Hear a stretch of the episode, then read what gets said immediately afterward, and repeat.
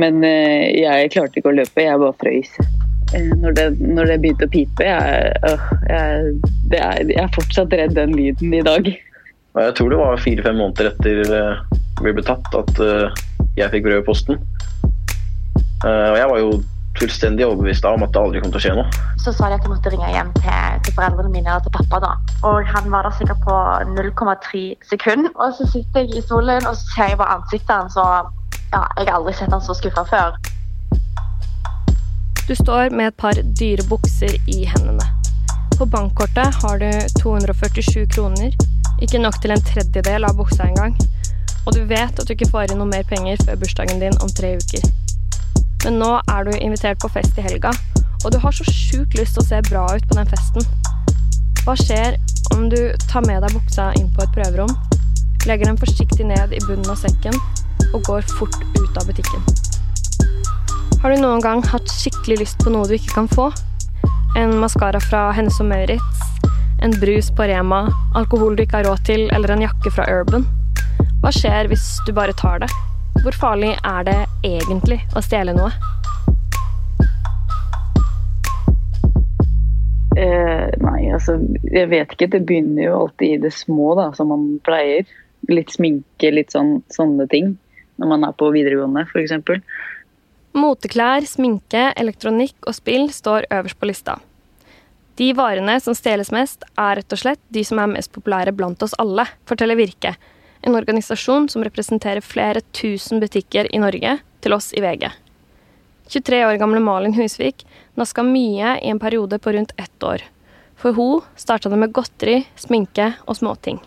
Og så bare utvikla det seg, så det blei jo klær etter hvert. Eh, og så kom vi til alkoholen, for det kunne vi jo ikke kjøpe selv. Så da måtte vi finne en måte å gjøre, altså få tak i det på, uten at uh, vi måtte betale for det. Vi hadde jo ikke penger til det heller. Så ja, blei det liksom bare mer og mer, da, og så blei vi aldri tatt. Så det var liksom vi gikk rundt og hadde det veldig gøy og var skikkelig, skikkelig drittunger, på en måte. Uh, husker, du, husker du første gang du stjal? Altså, Hva var det du tok? på en måte? Husker du det? Uh, det var på en sånn bensinstasjon. Det var vel en, en et, noe smågodt, tror jeg. ja. ja, altså det var jo ganske lenge siden. Og så ekspanderte det på en måte bare? Og ble mer og mer? Ja, jeg tror ikke det var det som gjorde at det starta. Jeg tror det var mer den der rebellen i meg som bare ville gjøre noe dritt på videregående. Og bare gjøre sånn som jeg ville selv. Liksom. Bare gi F, på en måte. Hvor lenge pågikk det uten at dere ble tatt, da? Nei, det Hvor lenge var det? Det var en stund. Jeg kan nesten si det på et år, i hvert fall. Shit, såpass? Ja. Var du ikke redd for å bli tatt? Jo, jo, altså man var jo det hver gang. Men eh, etter hvert så ble det litt sånn Ja, vi vet at det ikke går an å ha alarm nå, så det er ikke noe stress. Så vi bare går ut. Så det ble litt mer en sånn vanesak. da Du visste hvor alle kameraene var. Du visste liksom hvilke klær du skulle spørre om for å få tak i. Eh, som ikke hadde alarmer på seg og sånne ting. da. Så det blei liksom en sånn Man lagde, lagde, en plan. Men så gikk det jo galt eh, til slutt, da. Eh, hva slags plan ja. Hva var planen da? Det eneste vi tenkte, var sånn OK, hvis noen går, så løper vi, liksom. Men eh, jeg klarte ikke å løpe, jeg bare frøys. Jeg var, det var ikke sjans. Tenkte bare sånn, ja, må heller stå i det. Mm, nå blir vi tatt, liksom. Da har vi ikke noe, vi har ikke noe valg. Da alarmen gikk av, hadde Malin med seg dyre ting i veska som hun ikke hadde betalt for. Det var en dyr, dyr klesbutikk, og så skulle vi prøve å få med noen aknebukser og eh, Det var sko og litt av hvert. Eh, men eh, det var de skoa da, som utløste det. Fordi det Vi har ikke altså, har ikke så mye sko før, så de hadde jo alarm på seg. Eh, så eh, når, det, når, det, begynte å pipe jeg, øh, jeg, er, jeg, er fortsatt redd den lyden i dag. Det er sånn, Den sitter, den sitter i meg, liksom. Uh, og den, gjorde, den satt i meg ganske lenge, uh, den lyden. Som, uh, som, kommer når du liksom blir tatt. Så det endte jo med at vi De lokka igjen den port, det var en sånn port foran døra. Det var sånn rar butikk. Og så kom vekterne eh, og henta oss. Eh, og så ble vi tatt med på et lite, lite bøttekott, vil jeg kalle det. For det var jo fryktelig lite. Eh, og måtte sitte der og vente til politiet kom, da. Hvordan Det så var det ut der, da? Nei, det var, det var en liten benk, og så var det en mm, pult med en PC på og et stort overvåkningskamera. Helt grått. Du følte at du nesten var et avhør, eller sånn i en fengselscelle, på en måte. En sånn, ja. Det var eh, Det føltes mye eklere ut enn ja, det- ja, enn man skulle tro, da. Hvilke følelser var det som gikk gjennom kroppen da? Nei, man begynte jo bare man begynte jo å stresse, og så begynte man å grine, og så prøvde man å ro seg ut av det. Eh, Og komme seg unna. Vet du, vet du liksom verdien av det du hadde tatt? Ja, det, var noen, det var noen tusen, i hvert fall. Det var noen, kanskje fire-fem, kanskje seks. Vet ikke helt. Så mye. Ja, det, det var ganske mye. Hvor dyre klær må man stjele for å havne i fengsel? Mindre tyveri og vanlig tyveri skilles fra hverandre ut fra verdien på det du stjeler, og grensa går på rundt 3000 kroner. I de tilfellene hvor man ligger rundt den grensa, er det politiet som avgjør om det skal straffes som et mindre tyveri eller som et vanlig tyveri. For mindre tyverier kan du få en bot, mens for de større kan du faktisk straffes med fengsel på inntil to år. Og så sitter dere der og, og venter på politiet. Man vet jo liksom ikke helt hva som kommer til å skje, da. Det er det som er. Man tenkte jo liksom det verste. Så nå blir det ungdomsfengsel, og du, du hadde ikke peiling, ikke sant. Du bare Du bare overtenkte alt. Blir du tatt for stjeling i butikk, kan butikken anmelde deg til politiet, og foreldrene dine vil bli kontakta hvis du er under 18 år. I tillegg kan det hende barnevernet og skolen din også blir informert. Når du er over 15, kan du bli straffa med anmerkning på rullebladet, men i noen situasjoner kan du også få det som kalles påtaleunnlatelse. Dvs. Si at du har gjort noe straffbart, men at politiet velger å ikke gi deg noen straff denne gangen. Siden det var første gang Malin ble tatt for tyveri, ble hun straffa med utestengelse fra senteret, men slapp bot og fengsel. Hadde hun blitt tatt flere ganger, hadde nok straffen vært strengere. Men man lærer av det, da. Det, det gjør man. Var du, Eh, var du redd for å havne i fengsel, eller hva var du mest redd for, liksom? Ja, jeg trodde at nå kom jeg til å ødelegge hele framtida mi på det tidspunktet der. Det var, eh, nå ble jeg sett på som kriminell, og det var liksom tenkte at nå er livet kjørt. I 2019 ble det levert inn 11 557 anmeldelser etter nasking. Samtidig tror Virke at hele 70-80% av all nasking går under radaren. Da Malin ble tatt, var det langt ifra første gangen hun stjal, men etter at hun ble tatt for det, har hun aldri gjort noe sånt igjen. Hva tenker du om det i dag? Nei, i dag er jeg sjukt takknemlig for det. Sånn. At det ikke utvikla seg til å bli noe mer. Fordi jeg vet at det hadde blitt mer. Vi hadde planer om å gjøre mer. Så det var, veldig, det var jo, selv om det var veldig skummelt, så var det veldig bra. Man tenkte jo kanskje ikke det da, men eh, nå i etterkant så, så setter jeg veldig pris på det. Hvis du ikke hadde blitt tatt eh, da, Mm. tror du det hadde gått eh, Tror du du hadde holdt på mye lenger da? Ja, det tror jeg. Og vi begynte å gå litt, uh, litt på penga, for vi var litt eh, sløsomme der. Så eh, vi tenkte ja, ingen kommer til å legge merke til det. Det gikk bra. Vi gjorde det to-tre ganger, tror jeg. Uh, og så ble vi tatt den siste. En sommer er 18 år gamle Ask Hensel alene hjemme og merker at han har sløst bort litt for mye av pengene han skulle leve for.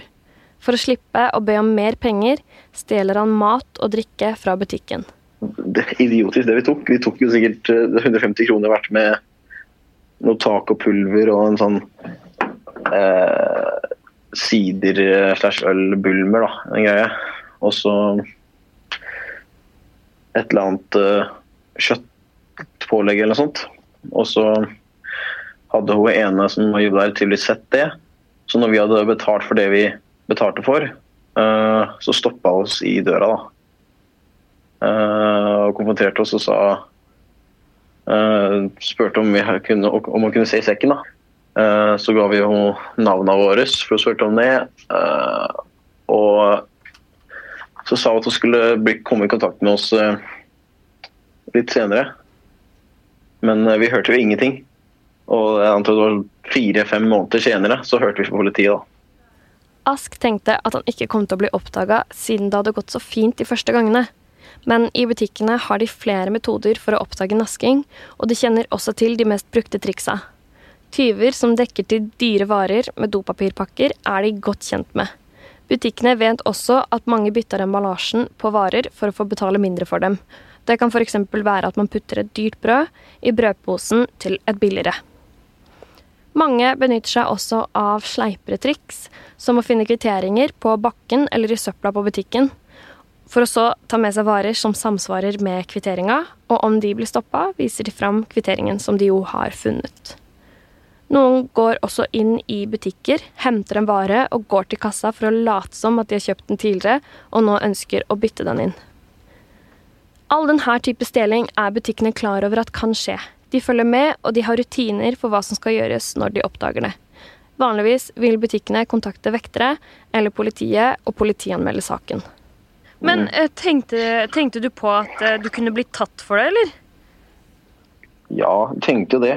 Men uh, vi tenkte jo Det blir vi jo ikke. Det skjer jo aldri. Det føltes jo litt sånn udødelig når vi drev der. Og så skjedde det, da. Og da Ja, den følelsen du blir jo veldig nervøs. da, Du blir jo liksom Du vet ikke helt hva du skal si eller hva du skal gjøre, men uh, Det blir sånn to, tom følelse hvor du liksom bare du kjenner hjertet banke, på en måte, og du bare Du blir skikkelig stressa. Mm. Du, og så uh, Fortell meg veldig gjerne litt om den prosessen etterpå. da, Det her med eh, Altså at det gikk så lang tid før du fikk en bot. og Altså, hva tenkte du? Tenkte du at det ikke ble noe av? Den, hva, hva, tenkte du når den boten dukka opp i posten? Nei, altså, Det vi tenkte var etter en måned liksom ikke hadde hørt noen ting. Hun sa jo at hun skulle ringe oss inn tre dager. eller noe sånt. At, da tenkte jo vi at eh, nei, da skjer det jo ingenting, da. Og jeg tror det var fire-fem måneder etter uh, vi ble tatt at uh, jeg fikk brød i posten. Uh, og jeg var jo fullstendig overbevist om at det aldri kom til å skje noe. Og så får jeg det, da. Og da måtte jeg jo si til foreldrene mine at jeg hadde gjort det, og alt sånt òg. Og det var jo ikke veldig gøy. Du hadde ikke fortalt om det hjemme før du Nei. fikk den boten? Fordi jeg håpa på at det ikke skulle bli noe. For det hadde gått liksom så lang tid, da, nesten et halvt år. Skamma du eh. deg, sånn at du ikke ville fortelle det hjemme, eller?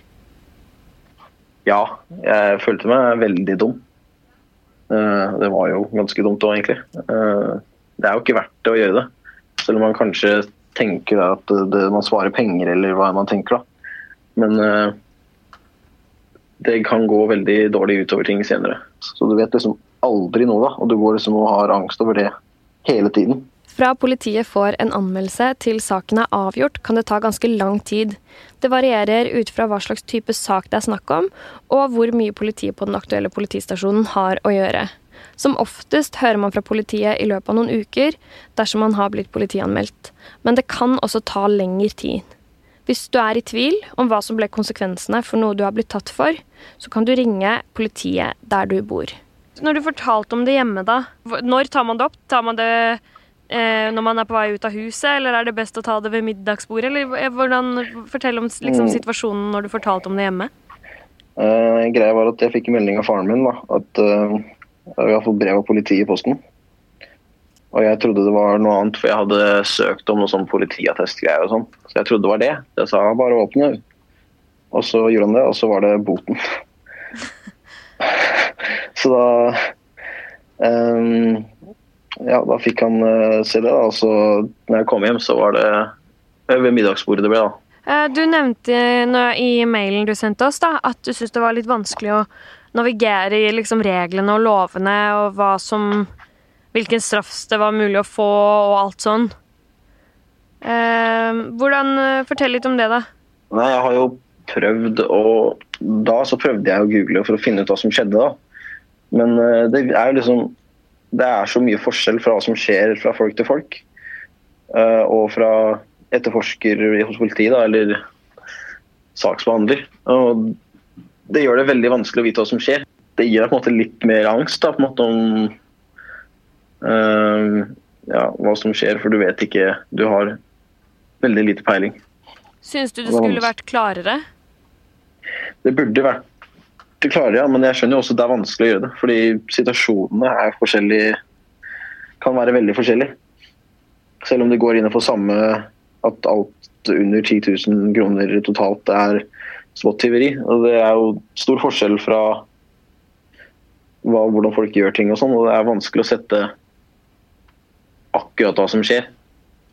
Men eh, det burde vært eh, lettere å finne ut mot, da. Og, ikke, og det burde heller ikke gå seks måneder før du får vite noe. Eh, også, og nå jobber du og tjener penger og kan betale, betale mm. det du vil ha på butikken selv?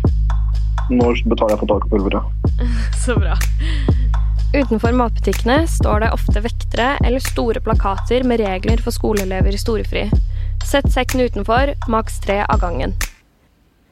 Jeg må helt ærlig innrømme at jeg har blitt skikkelig irritert over å ikke kunne gå på butikken samtidig som resten av venninnene mine, og føle at vi blir mistenkeliggjort utelukkende fordi vi er unge. Altså, de fleste ungdommer på butikken er jo der for å kjøpe seg en yoghurt, ikke for å stjele. Noen ganger løser butikkene naskingen på andre måter. F.eks. hvis de som blir stoppa er veldig unge, er det naturlig at butikkene først og fremst forsøker å få tak i foreldrene deres. Og noen ganger er ikke den beste straffen bot eller fengsel, men rett og slett god, gammeldags arbeidskraft. Um, det var min første gang jeg eh, naska eller stjal noe, da. Um, og det var i åttende klasse hvor jeg var i en periode der meg og min bestevenninne på den tiden var veldig sånn rebelske. Jeg ville prøve ut alt mulig og utforske mest mulig. Og ja, tenkte ikke helt på konsekvensene, da. Så var det en dag etter skolen der vi gikk forbi Rimi. Og så stoppet vi opp og sier sånn, skal vi gå og kjøpe noe. Samme hva, liksom. Og da sa vi ja, men vi har ikke penger til å kjøpe så mye og alt det der. Men så gikk vi inn i butikken for de om, og så snakket vi sammen. Og så sier vi liksom ja, skal vi prøve å stjele noe? bare for å se hva som skjer, eller om det går, om det faktisk funker. Um, og så gjorde vi det, da. Med, jeg stjal en sjokomelk. Um, og så gikk vi rundt i butikken og somla mye, eh, for at vi var jo redd noen så oss. Um, så da vi først kom til rett før utgangen, før vi gikk ut av butikken, så kom den ene arbeidsansatte og spør om at vi har tatt noe. for jeg holdt liksom hendene mine med jakken, som jeg skjulte noe under jakken. da. Um, og da prøvde liksom med å si nei, nei, vi har ikke tatt noe med, og liksom prøvde jo å sluntre unna. Um, men de gjennomskua jo oss med en gang. Jeg ble jo knallrød i ansiktet. Um, og så ringte hun sjefen da, av butikken. Uh, så gikk vi bak på sånn et lagerrom på kontoret deres. Og der eh, satte jeg meg ned i en stol, og da var ikke jeg i samme rom som hun venninna mi. Da var jeg alene. Så hadde jeg at jeg måtte ringe hjem til, til, foreldrene mine eller til pappa. da. Og jeg drøyde ut tiden så lenge. Jeg, jeg var så redd for å få den kjeften der, så jeg oppga feil telefonnummer. Jeg prøvde bare å drøye det mest mulig. Eh, men til slutt så fikk jeg jo nummeret til pappa eh, og ringte. Og han var der sikkert på 0,3 sekunder. han var der så fort. Og for meg. Um, og så sitter jeg i stolen og så ser jeg på ansiktet hans, ja, jeg har aldri sett han så skuffa før. Jeg var jo skikkelig skikkelig lei meg egentlig sekundet jeg eh, ja, så ansiktet hans. da. Um, men så begynte de å snakke sammen, og de um, gikk inn en avtale om at jeg skulle jobbe på uh, Rimien i jeg tror det var enten tre eller fire uker husker ikke helt. Men da skulle jeg jobbe en vanlig arbeidsdag fra syv til to. Eller syv til tre. Um, hvor jeg liksom ja, skulle ta den konsekvensen da for at jeg stjal sjokolademelken. Um, jeg begynte å hylgrine fordi jeg var jo 13 år og ikke helsike om jeg skulle jobbe på en Rivi-butikk på den tiden der. Um, men jeg måtte jo.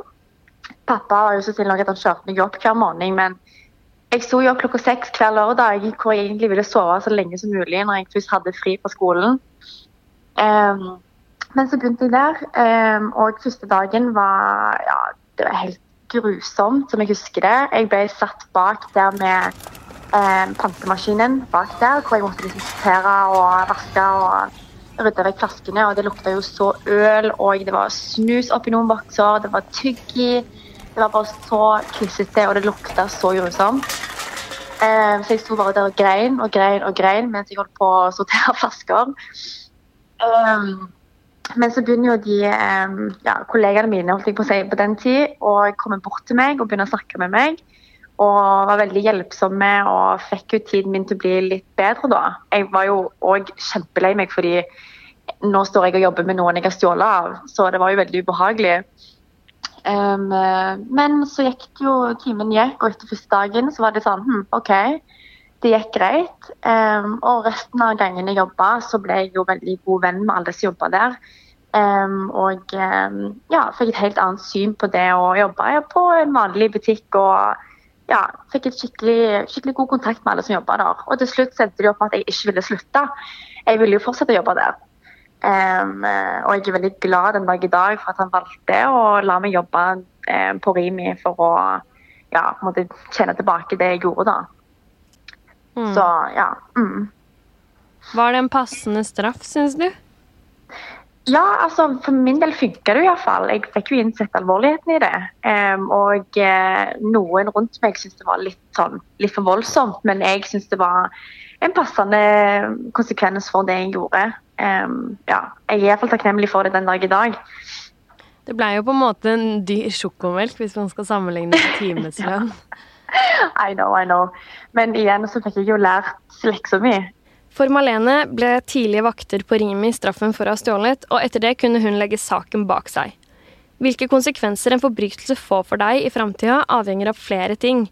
Hvor alvorlig forbrytelsen var, og hvor gammel du var da det skjedde, er blant det som vurderes. Hvis du har fått straff, f.eks. en bot, for en kriminell handling, så kommer det til å stå på ditt kriminelle rulleblad. Det er ingenting som slettes, men opplysningene der er taushetsbelagte, og det er faktisk straffbart for politiet å gi ut den informasjonen til noen som ikke skal se den. Likevel er det noen som kan få se politiattesten, altså rullebladet ditt. F.eks. vil du måtte levere politiattest for å kunne søke på noen jobber. Men det betyr ikke nødvendigvis at de får vite alt som står på den. Det er hovedsakelig hvis du vil jobbe som politi eller i fengsel, eller om du f.eks. vil adoptere et barn, at noen får vite alt som står på rullebladet ditt. Det er ikke sånn at det dumme, spontane valget du tok på ungdomsskolen, skal forfølge deg resten av livet, men erfaringen og følelsen av å bli tatt for å gjøre noe ulovlig, den må du nok bære med deg videre. Hva tenker du om, om eh, stjeling og nasking og sånn i dag, da? Altså, jeg tror uansett stjeling, nasking, om det er liten eller stor ting, så er det ikke greit. Um, jeg fikk jo også lært litt om typ, hva konsekvenser butikken får, og hvordan medarbeiderne ser på det på en måte når folk stjeler. Og jeg selv jobber i butikk den dag i dag, og jeg merker jo det at det, det, det blir jo svinn, sant? og det er jo ikke gøy for oss å oppleve at noen stjeler fra oss. Å stjele er jo helt ulovlig. Vi skal ikke gjøre det, og det får konsekvenser. Men jeg vil si at det er farligere å ikke bli tatt for å stjele enn å bli tatt for det. Hvis man stjeler igjen og igjen og igjen uten at noen oppdager det, hva blir det neste man finner på da?